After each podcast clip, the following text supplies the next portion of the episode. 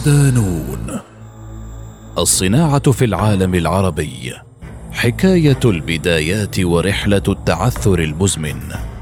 مقال لأنيس العرقوبي ضمن ملف الصناعة العربية.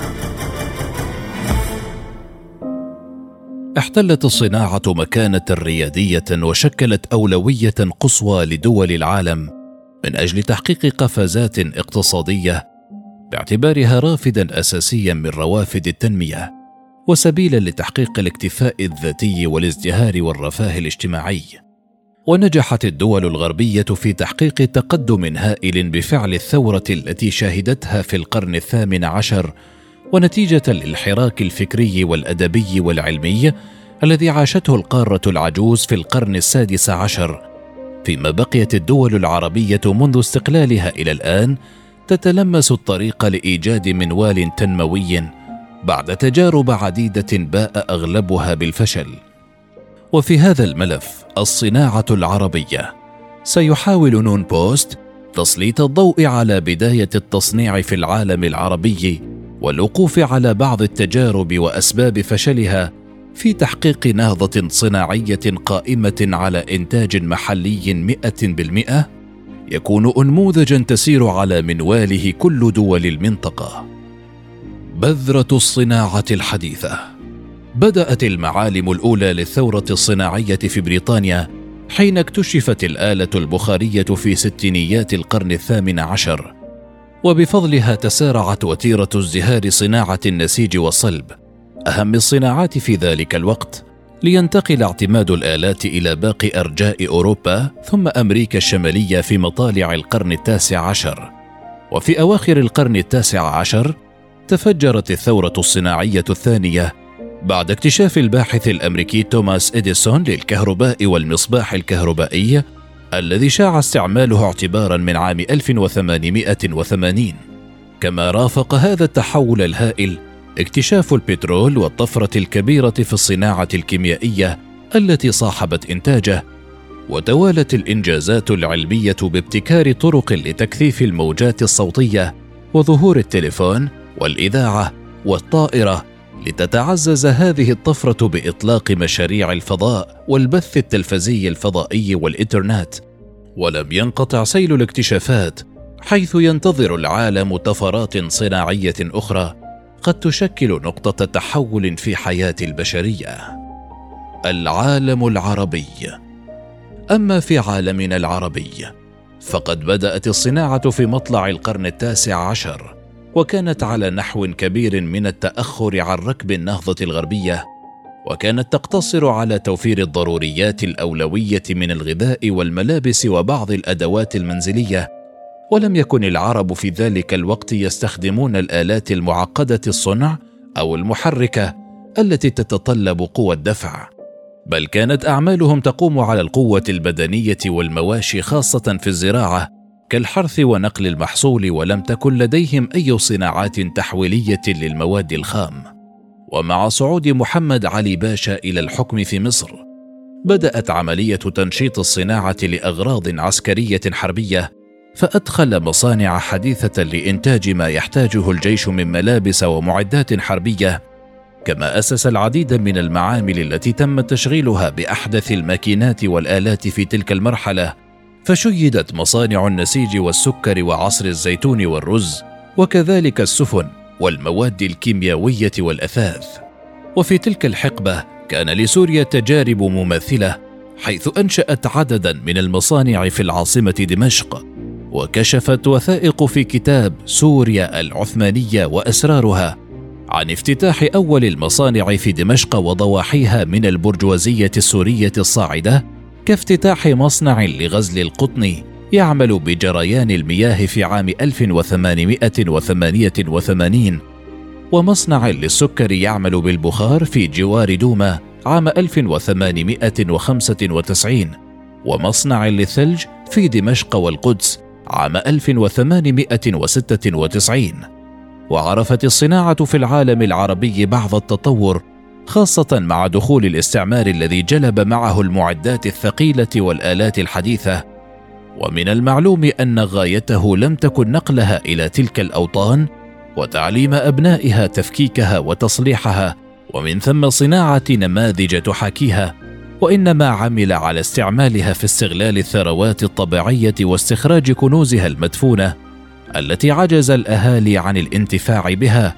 في مقابل ذلك عمد إلى تهميش الصناعات المحلية التي بدأت في ذلك الوقت ترى النور وعوضها بأخرى من صنيعه بعد أن سوق لجودتها مقابل المحلية البدائية فكسدت السوق وتدهورت الظروف الصناعية. الاستقلال والتصنيع. قبل أفول الاستعمار عرفت الصناعة في البلاد العربية نوعا من الانتعاش بسبب الحرب العالمية الأولى وتداعياتها فارتفع الطلب على المنتجات العربية نتيجة لحاجة الأسواق العالمية لكثير من السلع والبضائع. فعملت الحكومات في تلك الفترة على تركيز مصانع وشركات جديدة مثل تأسيسها مطبعة مصر وشركة مصر للغزل والنسيج بالمحلة الكبرى عام 1927 تلتها الشركات مصر للملاحة البحرية ومصر لأعمال الإسمنت المسلح التي ساهمت في بناء السد العالي ومصر للصباغة ومصر للمناجم والمحاجر ومصر لتجارة وتصنيع الزيوت ومصر للمستحضرات الطبية ومصر للألبان والتغذية ومصر للكيميائيات ومصر للفنادق. ومصر للتأمين.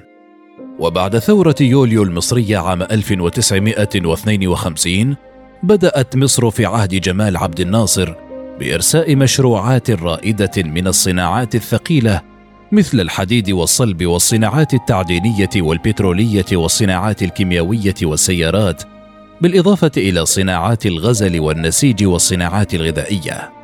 كما أنشئ بحلوان أول مصنع متكامل باستخدام تكنولوجيا الأفران العالية وبمعدات من ألمانيا لصهر خامات الحديد المستخرجة من أسوان منخفضة الجودة وعالية الشوائب مع فحم الكوك المستورد إلى زهر سائل ومن ثم صبها يدويا وتشغيلها إلى منتجات صلب نهائي.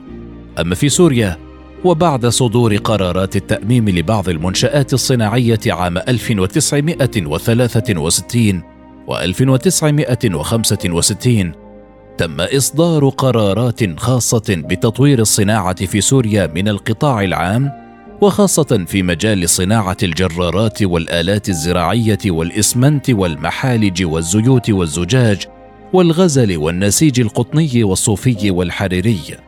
وصناعة السجاد والألبسة الجاهزة. وفي سياق ذي صلة عاشت الجزائر هي الأخرى منذ الاستقلال معركة حقيقية. ودخلت في سباق مع الزمن من أجل تنمية اقتصادية مستدامة والتقليل من التبعية للأسواق الخارجية. فأرست مؤسسة الحديد والصلب سنة 1964 وكانت من الدول المغاربية الأربعة الأكثر انتاجا لهذه المادة إضافة إلى تونس والمغرب وموريتانيا في السنوات 1950 إلى 1978 كما تمكنت من صناعة أول جرار فلاحي سنة 1974 بعد دخولها طور الصناعة الثقيلة وعملت على تصدير إنتاجها إلى إفريقيا والعالم العربي. وركزت مصنعا لتركيب الشاحنات الثقيلة أول شاحنة في الخامس عشر من أكتوبر عام 1958 لتدخل بعدها في تصنيع الحافلات الصغيرة والكبيرة من خلال المؤسسة الوطنية للصناعة الميكانيكية سوناكوم سنة 1967 ركزت البلدان العربية في تلك الفترة على الصناعات التي تعتمد على المواد الخام المتوافرة لديها إضافة إلى الأيدي العاملة غير المكلفة ونجحت مصر وسوريا في صناعة النسيج والقطن وتصديره إلى البلدان المستهلكة فيما ركزت بعض البلدان الأخرى وخاصة النفطية على صناعة التكرير وتصدير مشتقاته بأسعار تنافسية. عوائق التصنيع يمكن القول إن المنوال التنموي أو الاقتصادي الذي انتهجته بعض البلدان العربية وخاصة مصر والجزائر وسوريا والعراق لم يمكنها من تحقيق ما كانت تصبو إليه على صعيد توفير إيرادات سيادية وتحسين أوضاع موازين المدفوعات. وذلك بسبب أنها ركزت على صناعات مكلفة أثقلت خزائنها مثل صناعة السيارات.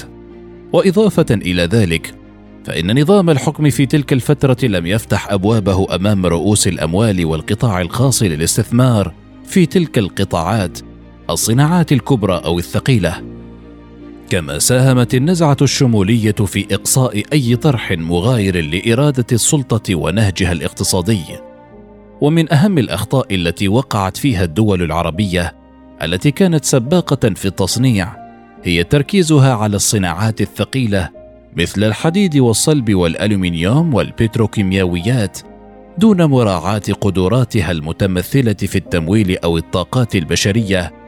والأهم من ذلك قدرتها على منافسة المنتجات الأجنبية التي تتمتع بتكاليف اقتصادية أقل وجودة عالية تصعب مضاهاتها. وأهملت تلك الدول دراسة كل المعطيات الواقعية التي من الممكن أن تؤدي إلى تحقيق النتائج المأمولة وإقامة الصناعات ذات الجدوى الاقتصادية وتحقيق إيرادات سيادية. ومن بين النقائص التي أهملتها التجارب العربية المهارة والكفاءة حيث لم تتخذ بعض الدول بعين الاعتبار نقص التكوين والتعليم الجامعي وكذلك التدريب. عدم ملائمة المنوال الاقتصادي لحاجيات البلاد ومقدراتها الطبيعية. غياب التكامل بين القطاعات الصناعة والفلاحة والتجارة وكذلك السياحة. ضيق السوق المحلي وضعف القدرة التنافسية للمنتج المحلي في الأسواق العالمية. ضيق السوق المحلي وضعف القدرة التنافسية للمنتج المحلي في الأسواق العالمية. عدم مسايرة الأنماط التكنولوجية المستوردة. التطبيق السيء للصناعات كثيفة رأس المال أو الصناعات الثقيلة ما أدى إلى ارتفاع التكلفة. تراجع الصناعة. تعاني الصناعة في الوطن العربي في وقتنا الراهن من التأخر والتقهقر بسبب اقتصارها على الصناعات الاستهلاكية أو الصناعات الاستخراجية للمواد الخام. وعجزها عن استيعاب التكنولوجيات الحديثة ومنافسة الغرب في بعض المجالات. ويعود الأمر أساسا لاعتمادهم على تصدير المواد الخام وعدم وجود استراتيجيات تنموية وصناعية واضحة للاستفادة من الطفرة الاقتصادية الحاصلة إضافة إلى سوء الإدارة والتسيير وهو ما يبرر التراجع الحاصل في مؤشرات النمو الاقتصادي لتلك الدول. وتشير البيانات التي أوردها صندوق النقد العربي إلى تراجع الناتج الإجمالي الصناعي بنسبة 12.6% مع نهاية العام 2016 مقارنة مقارنة بالعام 2015 نتيجة لانخفاض أسعار النفط. ولعل من أهم العقبات التي يعاني منها قطاع الصناعة في العالم العربي غياب التخطيط الاستراتيجي وضعف الرؤية الاستشرافية ونقص الخطط التطويرية مما أدى إلى ضعف التمويل الحكومي للقطاع الصناعي والمشاريع الصناعية خاصة الصغيرة والمتوسطة التي عادة ما تكون المورد الرئيس للشركات الكبرى. إضافة إلى ذلك فإن غياب التكامل العربي ونقص المبادلات التجارية كان له أثر بالغ في تراجع الصناعة. وذلك في وقت تشكلت فيه الدول المتقدمة في كتل كالاتحاد الأوروبي من أجل تقوية اقتصاداتها ودعم صناعاتها. ويقدر حجم التجارة البينية للدول العربية بنسبة 8% إذ يتراوح بين 33 و 36 مليار دولار أمريكي وهي قيمة متدنية جدا بالمقارنة مع استهلاكات دول العالم العربي. ويعود ذلك أساسا إلى حالة الانقسام التي يعيشها الوطن العربي بفعل الساسة والقائمين على تلك الدول. بالمحصلة فإن سر نجاح أي تجربة اقتصادية واستمرارها يكمن في الجدوى والكفاءة العالية والقدرة على التوسع في السوق المحلية والخارجية في ظل منافسة قاسية تفرض تخفيض الأسعار وترفيع الإنتاج مع مراعاة جودة المنتج وإذا رغبت الدول العربية في تقوية صناعتها والنهوض بها فعليها اولا تقوية السوق العربية المشتركة وتفعيل منطقة التجارة الحرة العربية الكبرى وذلك من أجل منافسة التكتلات الدولية وعلى رأسها الاتحاد الأوروبي.